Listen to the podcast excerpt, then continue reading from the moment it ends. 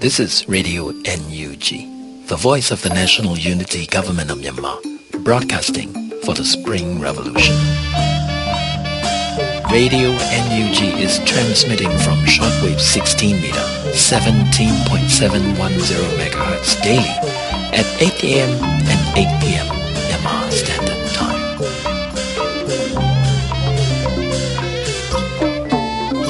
င်္ဂလာပါခင်ဗျာအမျိုးသားညီညွတ်ရေးအစိုးရရဲ့အသံလွှင့်ဌာနကမြန်မာစံတော်ချိန်မနေ့၈နာရီတစ်ချိန်ည၈နာရီတစ်ချိန်လိုင်းဒိုမီတာ16 19.8 MHz မှာနေ့စဉ်အသံလွှင့်ပေးနေပါပြီမြန်မာနိုင်ငံသူနိုင်ငံသားများမင်္ဂလာအပေါင်းနဲ့ပြည့်စုံကြပါစေခုချိန်ကစပြီး Radio NUG အစီအစဉ်လေးကိုဓာတ်ရိုက်အသံလွှင့်ပေးနေပါပြီ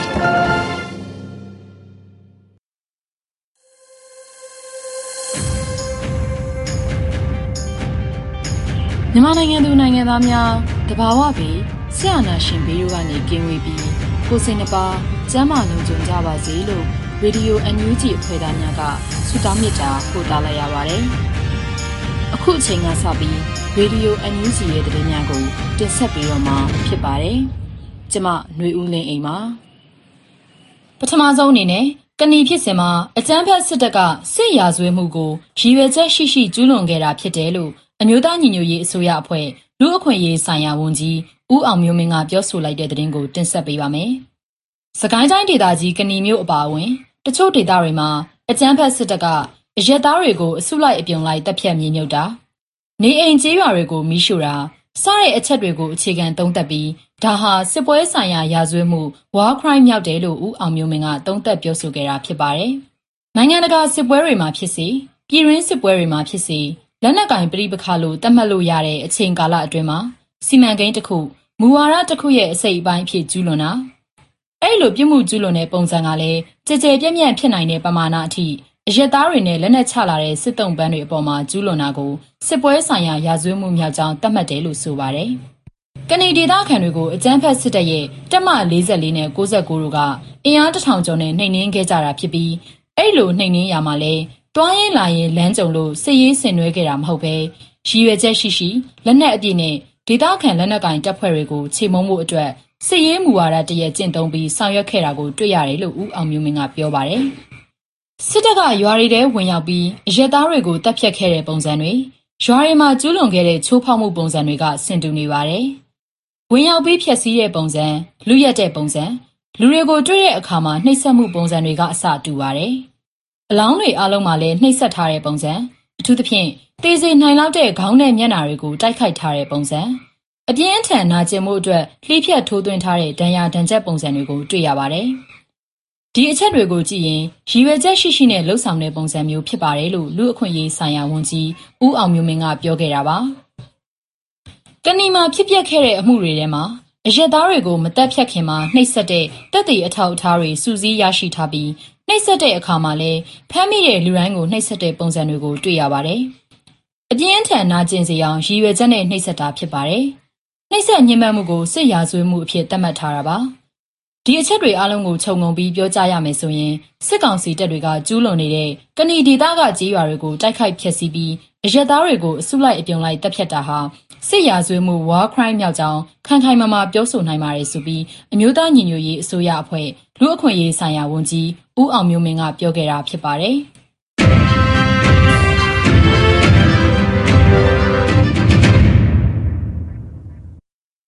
ဆက်လက်ပြီးအကြမ်းဖက်စစ်ကောင်စီတပ်ဟာအပြစ်မဲ့ပြည်သူတွေကိုဖမ်းပြီးလမ်းပြတစားခံလူသားတိုင်းအဖြစ်သုံးနေတယ်လို့ကရင်နီတပ်ဖွဲ့ထုတ်ပြန်ခဲ့တဲ့သတင်းကိုတင်ဆက်ပေးမှာဖြစ်ပါတယ်။ အာဏာသိမ်းစစ်ကောင်စီတပ်ဟာ ရှမ်းကယားနယ်စပ်က ဒေသခံ ၁၀ ဦးကို ဖမ်းဆီးပြီး လူသားတိုင်းအဖြစ် အသုံးပြုနေတယ်လို့ ကရင်နီလက်နက်ကင်တပ်ဖွဲ့တွေက ထုတ်ပြန်ပါတယ်။ရှမ်းပြည်နယ်တောင်ပိုင်းဖဲခုံမြို့နယ် လွယ်လုံကြီးရွာဘက်ကို နယ်မြေရှင်းလင်းရေး အကြောင်းပြပြီး ရောက်ရှိလာတဲ့ အကြမ်းဖက်စစ်ကောင်စီရဲ့ တပ်မ55ဟာ လွယ်လုံရွာသား9ဦးနဲ့ စက်တော်ရွာသား9ဦးကို မနေ့က ဩဂုတ်လ18ရက်နေ့က ဖမ်းဆီးခေါ်ဆောင်သွားတယ်လို့ ကရင်နီအမျိုးသား တိုးတက်ရေးပါတီ KNPP ရဲ့ သတင်းနဲ့ ပြန်ကြားရေးဌာန KNIC က ဒီကနေ့ ထုတ်ပြန်ပါတယ်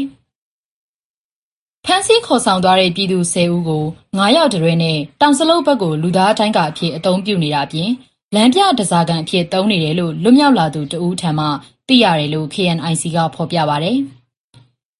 ဒီဒေသမှာဩဂုတ်14ရက်နဲ့15ရက်တွေက အာနာသိန်း စစ်ကောင်စီတပ်တွေကို ဒေသခံပြည်သူ့ကာကွယ်ရေးတပ်ဖွဲ့တွေ KNPP ရဲ့ တပ်ဖြစ်တဲ့ ကရင်ပြည်တပ်မတော် KA နဲ့ ကရင်အမျိုးသားကာကွယ်ရေးတပ်ဖွဲ့ KNDF တို့ အတူပူးပေါင်းပြီး ခုခံတိုက်ခိုက်ခဲ့လို့ တိုက်ပွဲတွေ ပြင်းထန်ခဲ့ပါတယ်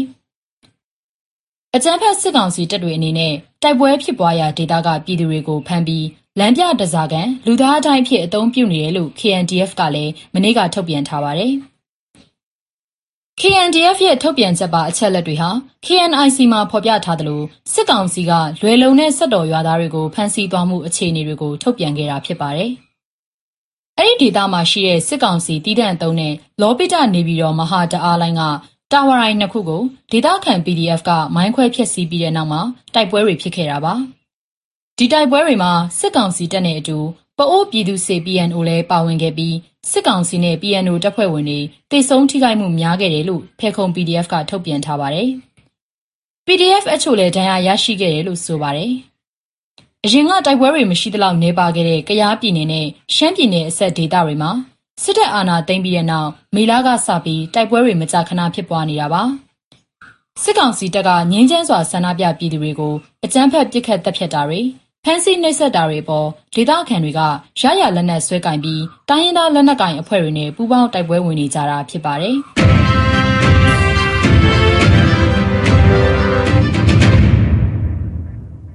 အမျိုးသားညီညွတ်ရေးအစိုးရ လူသားချင်းစာနာထောက်ထားရေးနဲ့ဘေးရန်နေဆိုင်ရာ စီမံခန့်ခွဲရေးဝန်ကြီးဌာနကတဘာဝဘေးရန်နေကြုံတွေ့နေရတဲ့ ပြည်သူတွေအတွက် အကူအညီတွေ ပေးပို့နေတဲ့တဲ့တင်ကိုဆက်လက်တင်ဆက်ပေးပါမယ်။အမျိုးသားညီညွတ်ရေးအစိုးရ လူသားချင်းစာနာထောက်ထားရေးနဲ့ ဘေးရန်နေဆိုင်ရာ စီမံခန့်ခွဲရေးဝန်ကြီးဌာနဟာ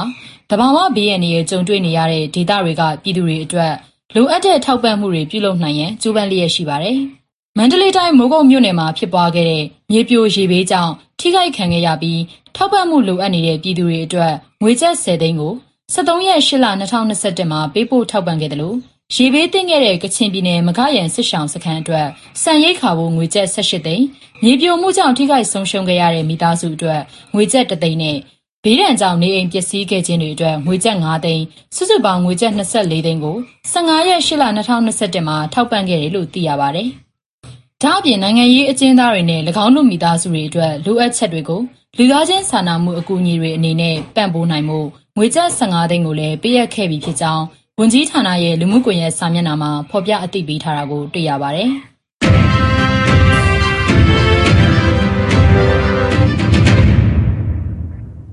နောက်ဆုံးအနေနဲ့ မင်းတပ်တိုက်ပွဲမှာ စစ်ကောင်စီတပ်ကတေဆုံးမှုများပြားသလို လက်နက်တွေ ရရှိခဲ့တယ်လို့ ချင်းပြည်သူ့ကာကွယ်ရေးတပ်ဖွဲ့ CDF က ထုတ်ပြန်လိုက်တဲ့သတင်းကို တင်ဆက်ပေးပါမယ်။မင်းတပ်ဒေသတိုက်ပွဲမှာ စစ်ကောင်စီတပ်ဖွဲ့ဝင်တွေတေဆုံးမှုများပြားခဲ့တယ်လို့ စစ်ကောင်စီတပ်တွေရဲ့ လက်နက်တွေလည်း ရရှိခဲ့တယ်လို့ မင်းတပ်မြို့နယ် ချင်းပြည်သူ့ကာကွယ်ရေးတပ်ဖွဲ့ CDF ကမင်းညက ထုတ်ပြန်ပါတယ်။ဩဂုတ်15ရက်ကနေ18ရက်အတွင်း ဖြစ်ခဲ့တဲ့ တိုက်ပွဲအခြေအနေတွေကို မင်းတပ် CDF က ထုတ်ပြန်ခဲ့တာပါ။ဩဂုတ်15ရက်က စစ်ကောင်စီတပ်က လက်နက်ကြီးတွေ အများအပြား ပစ်ခတ်ပြီးတင်ထားတဲ့16မိုင်စခန်းကိုလည်း ပြန်သိမ်းနိုင်ခဲ့တယ်လို့ ဆိုပါတယ်။ဒီလေးရက်တာ တိုက်ပွဲမှာ CDF မင်းတပ်ကကြာဆုံးမရှိ ဒဏ်ရာရသူ အနည်းငယ်သာရှိပြီး ရန်သူလက်နက်တွေ ရလိုက်တယ်။16မိုင်စခန်းကို ပြန်သိမ်းလိုက်နိုင်တယ်။စကစတွေဘက်က အနည်းဆုံး20ကျော်ကြာဆုံးပြီး ဒဏ်ရာရသူ အများအပြားနဲ့ နောက်ဆုတ်သွားခဲ့တယ်လို့ ထုတ်ပြန်ချက်မှာ ရေးသားထားပါတယ်။မင်းတပ် CDF ရဲ့ တိုက်ပွဲသတင်း ထုတ်ပြန်ချက်မှာ စစ်ကောင်စီတပ်ထံက ရရှိထားတဲ့ လက်နက်ခဲယမ်းတွေရဲ့ ဓာတ်ပုံကိုလည်း ဖော်ပြထားပါတယ်။လေးရက်စတိုက်ဖြစ်ခဲ့တဲ့ တိုက်ပွဲမှာ စစ်ကောင်စီတပ်ကတိတ်ဆုံးမှုတွေ များပြားခဲ့တယ်လို့ CDF ဘက်ကလည်းဒဏ်ရာရရှိသူတွေရှိခဲ့ပါတယ်။မင်းတပ် CDF နဲ့စစ်ကောင်စီတို့ဟာအပြည့်ရဲ့တက်တန်းတိုးဖို့ဆွေးနွေးတာမပြေလည်လို့ဇူလိုင်22ရက်ကစပြီးတိုက်ပွဲတွေဖြစ်ပွားခဲ့တာပါတိုက်ပွဲတွေပြင်းထန်ခဲ့တာစစ်ကောင်စီတပ်ဘက်ကတရင်မှုအပါအဝင်တေဆုံးထိခိုက်မှုတွေများသလို CDF ဘက်ကလည်းကြာဆုံးမှုတွေရှိခဲ့ပါတယ် ပြီးခဲ့တဲ့ AP လကုံပိုင်းက မင်းတပ်မြို့ပေါ်မှာ အမျိုးသားညီညွတ်ရေးအစိုးရ NUG ကို ထောက်ခံကြောင်း ဆန္ဒပြတဲ့ ပြည်သူတွေကို စစ်ကောင်စီတပ်က ဖမ်းဆီးခဲ့တာက အစပြုပြီး မင်းတပ် CDF နဲ့ စစ်ကောင်စီအကြား တိုက်ပွဲတွေ ဖြစ်ခဲ့တာပါ တလာခွဲကျော်အတွင်း တိုက်ပွဲ20ကျော် ဖြစ်ပွားပြီး စစ်ကောင်စီတပ်ဖွဲ့ဝင် ရာနဲ့ချီတေဆုံးခဲ့တယ်လို့ CDF 20ကျော်လည်းကြာဆုံးခဲ့ပါတယ်။တိုက်ပွဲတွေကြောင့် မင်းတပ်မြို့ခံတွေ စစ်ဘေးတိမ်းရှောင်ခဲ့ကြရပါတယ်။ နောက်ပိုင်းမှာ နှစ်ဖက်ညှိနှိုင်းပြီး ဇူလိုင်23ရက်ကစလို့ ယာယီအပြစ်ရက်ခဲ့ကြပေမဲ့ဇူလိုင်လမှာ အပြစ်ရက်ပြက်ပြက်ပြီး တိုက်ပွဲတွေ ပြင်းထန်နေတာဖြစ်ပါတယ်။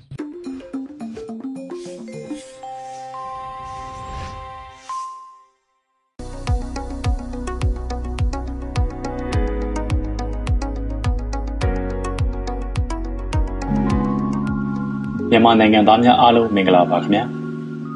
ခုဆိုရင် COVID-19 ရောဂါကူးစက်မှုဟာမြန်မာနိုင်ငံရဲ့ဒေသအချို့မှာအရှိန်မြင့်တက်လာနေပါတယ်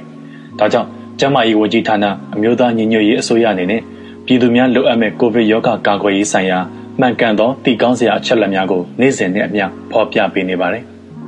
အခုစီစဉ်မှာမိမိရဲ့အိမ်သားတူဦး COVID-19 ရောဂါကူးစက်ခံနေရပြီးဆိုရင်မိမိတို့ရဲ့နေအိမ်ကိုဘယ်လိုတန်ရှင်းရေးလုပ်ရမလဲဘယ်လိုပို့သက်ပေးရမလဲဆိုတဲ့အကြောင်းကိုစနစ်တကျရှင်းလင်းဖော်ပြပေးသွားမှာဖြစ်ပါတယ်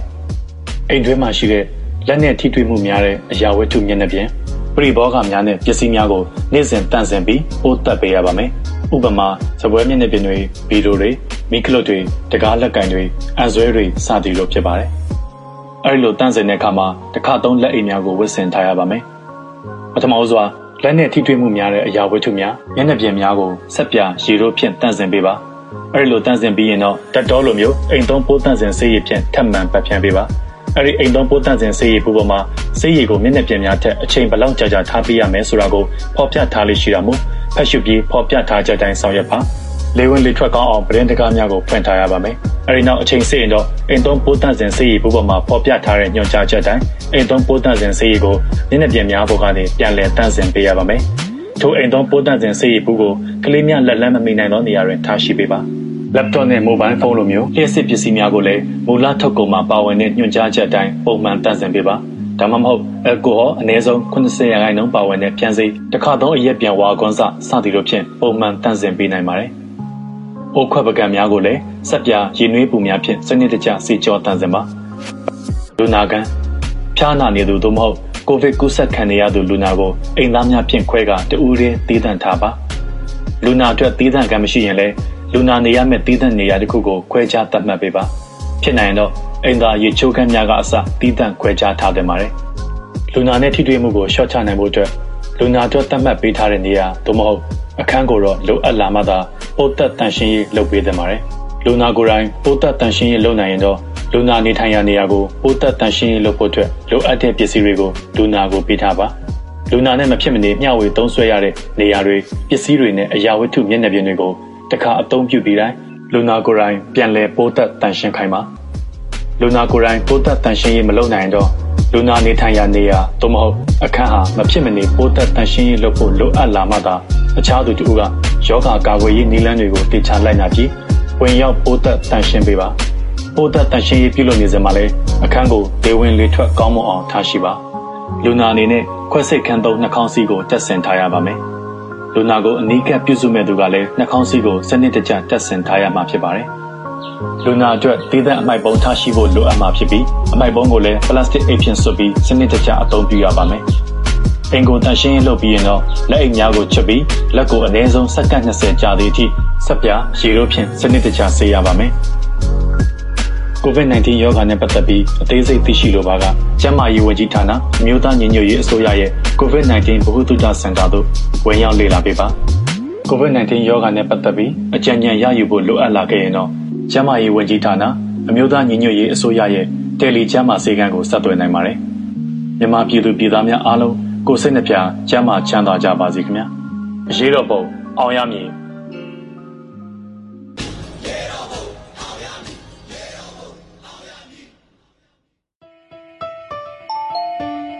မြပေးစာစီစဉ်ကနေကြိုဆိုပါရစေ။ဒီချိန်ဒီကာလမှာကျွန်တော်တို့တွေအားလုံးကိုစီကိုစီစိတ်ပင်ပန်းလူပင်ပန်းဖြစ်နေကြတယ်ဆိုပေမဲ့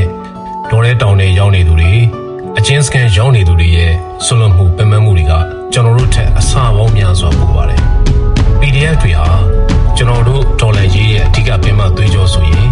ဒေါ်လာရေးကိုကြာရနေရကနေပေါဝင်ပေးနေကြတဲ့သူတွေအားလုံးဟာလေ တော်လိုင်းအောင်ပွဲရဲ့သွေးကြောမြင့်နေပါပဲဒါကြောင့်တော်လိုင်းတပ်သားတွေအချင်းကြခံနေရတဲ့တော်လိုင်းရဲဘော်တွေနဲ့ဓမ္မဘက်ကိုပူပြောင်းတိုက်ပွဲဝင်နေတဲ့စီဒီအန်သမားတွေစီကိုခွန်အားများပေးစာလက်ရည်မှုလေးတွေပေးပို့နိုင်ဖို့ဒီအစီအစဉ်လေးကိုစတင်ခဲ့တာဖြစ်ပါတယ်အတွင်းအားတွေလက်ဝါးချင်းကပ်ပြီးစီကူကြသလိုမျိုးကျွန်တော်တို့တွေလည်းစကလုံးတွေစာသားတွေကတစင်အချင်းချင်းခွန်အားတွေစီကူမျှဝေကြရအောင်ပါခွန်အားများပေးစာတွေကို PVTV ရဲ့လူမှုကွန်ရက်စာမျက်နှာ www.facebook.com PVTV မြန်မာနဲ့ NUG Support Team ရဲ့လူမှုကွန်ရက်စာမျက်နှာ www.facebook.com NUG Support တို့ရဲ့ Messenger တွေကနေတစ်ဆင့်ပေးပို့နိုင်ပါတယ်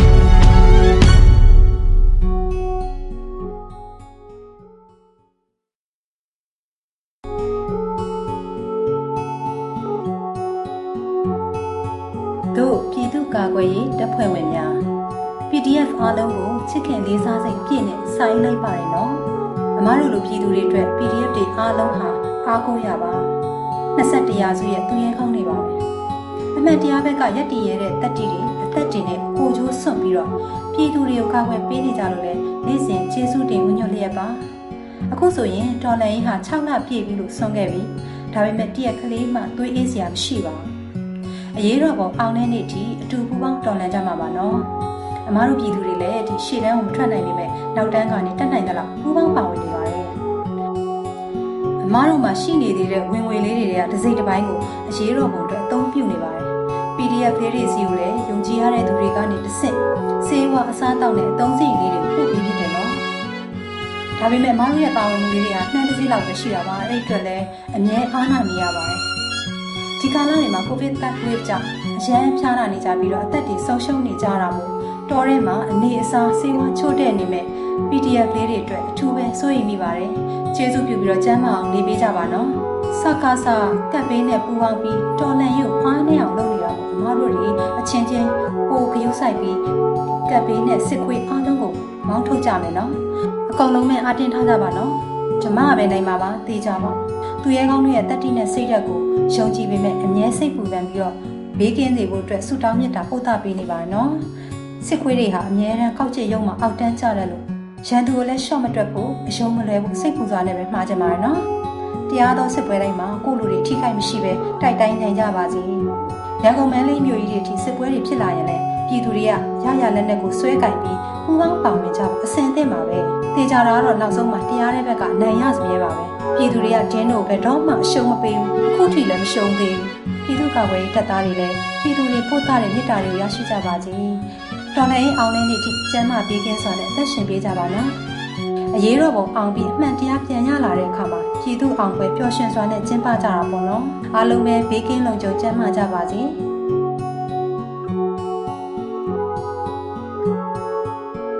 စစ်အာဏာရှင်တွေကိုလက်နက်ဆွဲကင်တော်လှန်နေကြတော့ကျွန်တော်လေးစားအားကြရတဲ့ PDF ရဲဘော်အကိုအမညီညမငယ်တို့ဘေးကင်းကြပါစေလို့အရင်ဆုံးဆုတောင်းပေးချင်ပါတယ်။ဇွဲမလျှော့ကြပါနဲ့ဗျာ။ PDF တွေလို့လက်နက်ကင်တော်လှန်ခွင့်မရပေမဲ့တက်နိုင်သမျှနေနဲ့တော်လှန်နေကြတဲ့ကျွန်တော်တို့လိုလူတွေအများကြီးရှိနေပါသေးတယ်။ PDF တွေကိုလှူဒန်းရေးလွယ်ကူတဲ့စနစ်တစ်ခုဖြစ်လာတဲ့အခါ PDF တွေလိုအပ်တဲ့ငွေပမာဏတစ်ခုဟာအချိန်တို့အတွင်းပြည့်ကိုပြည့်ရမယ်လို့ကျွန်တော်ရဲရဲကြီးယုံကြည်တယ်။ဘာကြောင့်လဲဆိုတော့စစ်အာဏာရှင်ကိုယုံမုန်းနေသူတွေဘလောက်တောင်များနေပြီလဲဆိုတာပါပဲ။ဒုက္ခမျိုးမျိုးခံနေကြရမယ့် PDF တွေဘဝကိုကျွန်တော်အပြည့်အဝစားနာပါတယ်။ တရေကောင်းတွေဖြစ်လာတယ်ဆိုတာအဲ့ဒီတရေကောင်းတွေလုံနိုင်တာကိုတာမန်လူတွေမလုံနိုင်လို့ပါပဲ။ခုချိန်မှာကျွန်တော်တို့အတွက် PDF ရဲဘော်တွေဟာသူရဲကောင်းတွေပါပဲ။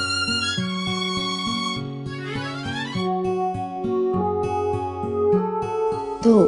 တော်ရဲက PDF သူရဲကောင်းများရှင်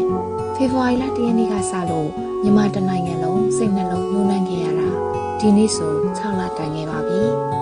အရမကိုတော်လန်ခြင်းစိတ်နဲ့ စီဒီယန်လုတ်ခဲ့ကြတဲ့သူရဲကောင်းတွေရဲ့မတရားဖိနှိပ်တပ်ဖြတ်နေတာတွေကိုလက်မခံနိုင်လို့တော်လန်ခြင်းစိတ်နဲ့လက်နက်ကင်ခဲ့တဲ့ PDF သူရဲကောင်းတွေရဲ့ကိုနေ့စဉ်မြစ်တာပေးပို့လျက်ပါနေ့စဉ်လည်းလေးစားကုန်ယူလျက်ပါအာနာသိမ့်မှုကြောင့်အလုပ်တွေနားထားရလို့ငွေရေးကြေးရေးမကူညီနိုင်ခဲ့ပေမဲ့အွန်လိုင်းပေါ်မှာတက်နိုင်တဲ့လောက်ဒေါ်လာရေးလုပ်နေပါတယ်။တောထဲမှာအနေစင်းရဲ့အစားစင်းရဲ့အသက်နေရှင်ပြီးပိတ်ဆက်နေတာတွေအတွက်ပြောစရာစကားလုံးမရှိတော့အောင် ကိုကျေးဇူးတင်ရပါတယ်။အဲ့လိုပဲစစ်ခွေးတွေကြောင့်မတမရအသက်ပေးခဲ့ရတဲ့ PDF သူရဲကောင်းတွေကိုမြင်တွေ့ရတိုင်းနဲ့ရင်းနဲ့မဆက်အောင်နာကျင်ခံစားရပါတယ်။ဒါကြောင့်မို့ကျမတို့ရဲ့အနာဂတ်တိုင်းပြည်သူရဲကောင်းတွေကိုမြစ်တာရက်ခံချင်တာကကျမတို့သူရဲကောင်းတွေရဲ့အသက်တိုင်းဟာအဖိုးမဖြစ်နိုင်အောင်တန်မိုးရှိကြတာမို့အစွမ်းကုန်ကယူဆိုင်ပေးပါ။အခါအခွင့်မသိလို့မြေပြင်တိုက်ပွဲမှာပါဝင်ခွင့်မရခဲ့ပေမယ့်သူရဲကောင်းတွေနဲ့တသွေးတဲ့တသား တဲ့ရှိနေတယ်ဆိုတာကိုတော့ယုံကြည်ပေးစေချင်ပါတယ်ရှင်။ကျမတို့သူရဲကောင်းတွေဘေးကင်းစေဖို့ကိုလည်းနေ့စဉ်ဆုတောင်းမြတ်တာပို့တာလျက်ပါ။ကျမတို့သူရဲကောင်းတွေစိတ်ချမ်းသာလို့ကိုယ်ချမ်းသာရှိကြပါစေ။အခါအခွင့်သိရင်မြေပြင်တိုက်ပွဲမှာပါဝင်ဆင်နွှဲမှာဖြစ်တဲ့အကြောင်းလေးထပ်လောင်းပြောပြစီရှင်။အရေးတော်ပုံအောင်တော့မည်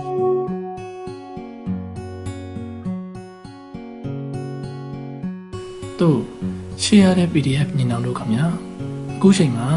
အကြောင်းကြောင်းကြောင့်ဝေးနေရပေမဲ့တစ်ချိန်မှာပြန်လဲစုံစည်းရမှာပါအတူလဲတိုက်ပွဲဝင်ကြရအောင်ပဲထင်ပါရဲ့ညဝရီမှာကြီးညာတယ်လို့သူ့ဘာသာသူအိမ်မဲဆောင်ဆောင်ခြံမဲဆောင်ဆောင်အချိန်တန်ရင်ပလင်ဘောကလင်းချမဲ့ကောင်တွေပါစင်ပေးရမဲ့ကောင်တွေပါအဲ့အတွက်အာယုံမထားနဲ့ဒါပေမဲ့ငါတို့တွေရဲ့အထုံးမှုတွေတော့လိုတာပေါ့အတင်းထားပါနော်အောင်ပွဲရလာမှာပါမကြတော့ပါဘူးငါတို့တွေစီးလုံးနေရင် သူတို့ဘလောက်လက်နဲ့ရှိရှိရင်ဆိုင်ကြော်လွားနိုင်မှာပါအုတ်တစ်ချက်တဲတပွင့်နဲ့လည်းလဲပြီးပြီအိမ်တလုံးဖြစ်လာအောင်နိုင်ရန်တောင်းကနေအတူစူးစမ်းကြမယ်လေခွက်ကြီးကြံလမ်းမလဲဆိုတဲ့စိတ်ဓာတ်တွေနဲ့အတူရင်ဆိုင်ကြမယ်တကောင်ထက်လဲငါတို့ညင်မနဲ့တော့ပါဘူးငါတို့ဒုက္ခတွေနဲ့အတူခံစားခဲ့ပူကြပြီးပြီဒီနိုင်ငံမှာသူတို့ရှိနေလို့ဘာကောင်းကျိုးမှမရှိခဲ့ဘူးဒီတစ်ခါတော့အောင်နိုင်ရင်တစ်သက်လုံးကဘာတည်တည်မြန်မာနိုင်ငံဟာပန်းတွေဖူးပွင့်ဝေစာနေနိုင်မယ် ငါတို့အတူတာဝန်ကြည့်ကြမယ်ဒီအတွက်ငါတို့အားမလျှော့ကြဆိုနော်ခုဆိုရင်ရန်ကုန်လဲအမိုက်ပရပွားနဲ့စုပ်ပြတ်တန်းနေပြီ၆ကပ်ပြီးမြို့ပြက်ကြီးလို့ပဲအာနာရှင်တွေမရှိတော့တဲ့တနေ့မှာငါတို့မြို့ကိုအတူပြန်လဲတည်ထောင်ကြမယ်တာယာတန်ရှင်းလှပအောင်အတူပြန်လဲပြုပြင်ကြမယ်တယောက်အားနှစ်ယောက်အားကနေစူပေါင်းအားတွေနဲ့ငါတို့အဲ့ဒီအထိအတူရှိနေကြမယ်အာနာရှင်ကိုအမြင့်ပြတ်တော်လာမယ်တိုက်ပွဲရှိရင်အောင်ပွဲရှိရမယ်။ ကြိုးစားရင်အောင်မြင်ရမယ်။မြို့သိမ်းတိုက်ပွဲတွေမှာလည်းရရနည်းနဲ့ပါဝင်ပါမယ်။အမြဲပူးပေါင်းပါဝင်ပေးပါမယ်။ PDF တို့တို့အမြဲစင်တင်ရှိနေပါမယ်။အတင်းထားပါငါတို့ရှေ့ကိုတူသွားကြမယ်။ Fighting PDF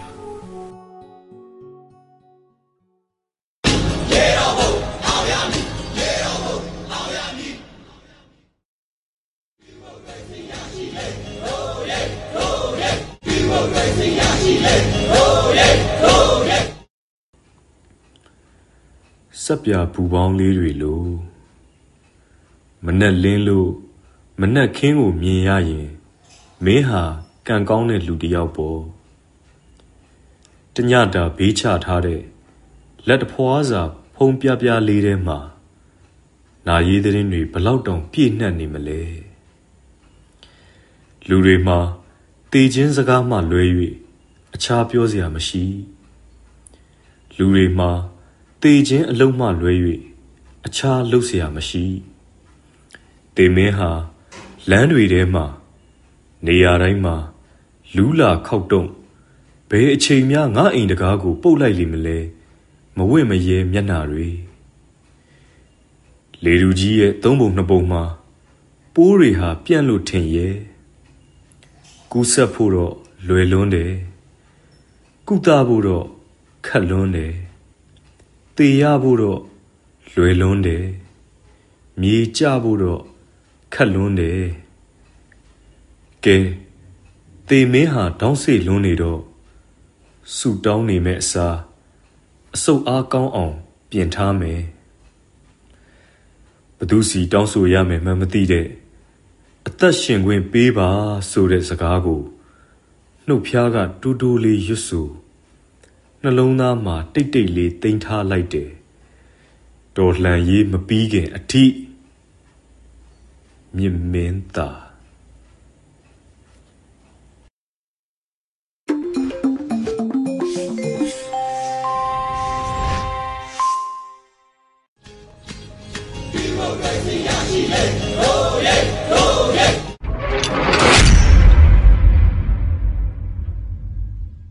ရဲနဲ့ စစ်သားတွေဆိုရင် များသောအားဖြင့်က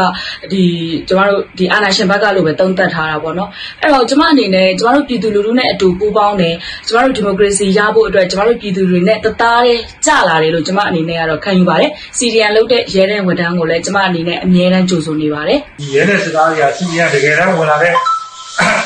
တကယ်တမ်း ဝင်လာတယ်ဆိုလို့ရှိရင်တော့ အမြဲအမြဲကြိုဆိုပါတယ် အမှန်ကန်လည်း ဝင်နေတယ်လို့ဖြစ်ပါတယ် နိုင်ငံသားကောင်းပြီဆိုရင်တော့တကယ်စီရီယန်ကိုလုပ်နေပါပဲတကယ်နိုင်ငံအကျိုးပြုမယ်ဆိုရင်တော့စီရီယန်ဝင်နေပါပဲအခုလိုဆောင်ရွက်တာကိုပြည်သူနဲ့ပူးပေါင်းတာကိုအင်မတန်သဘောကျတယ်တကယ်လို့အဲ့လိုမလုပ်ခဲ့တဲ့ပုံကူညာရှိခဲ့ရင်လည်းတားစီရည်စက်ကိုမခံဘဲနဲ့တားစီရည်စက်ခံမယ်လို့ကျွန်တော်အနေနဲ့အရင်ကပြောနေတာနောက်တော့ဝင်လာမဲ့ရဲတဲ့စသားတွေအားလုံးကျူးလို့ပါတယ်ကျွန်တော်တို့တိုင်းပြည်ရှေ့လျှောက်ကောင်းစားဖို့အတွက်ကိုကျွန်တော်တို့ နေရန်ပူပေါင်းပြီးတော့ပါဝါလက်တွဲပြီးသွားကြပါမယ်လို့အမှန်တရားကိုတကယ်ညံလို့ပြီးတော့အာနာရှင်စနစ်ကိုနော်မလို့မုန်းတာမခံကျင်တဲ့လူများဝမ်းဝင်ပြီးတော့ပါဝင်ပါပါဝင်ပေးကြပါလို့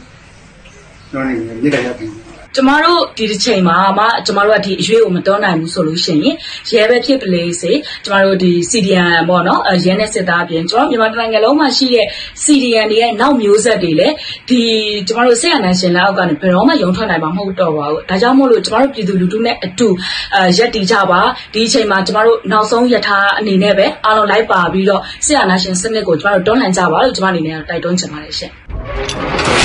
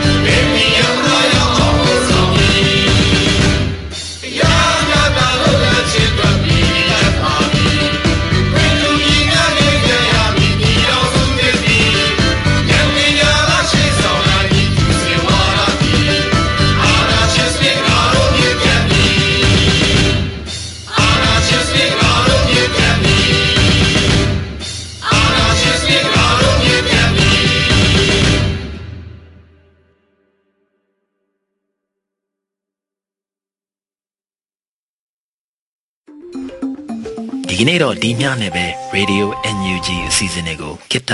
ရန်နာလိုက်ပါမယ်မြမစံတော်ချိန်မနေ့၈နာရီ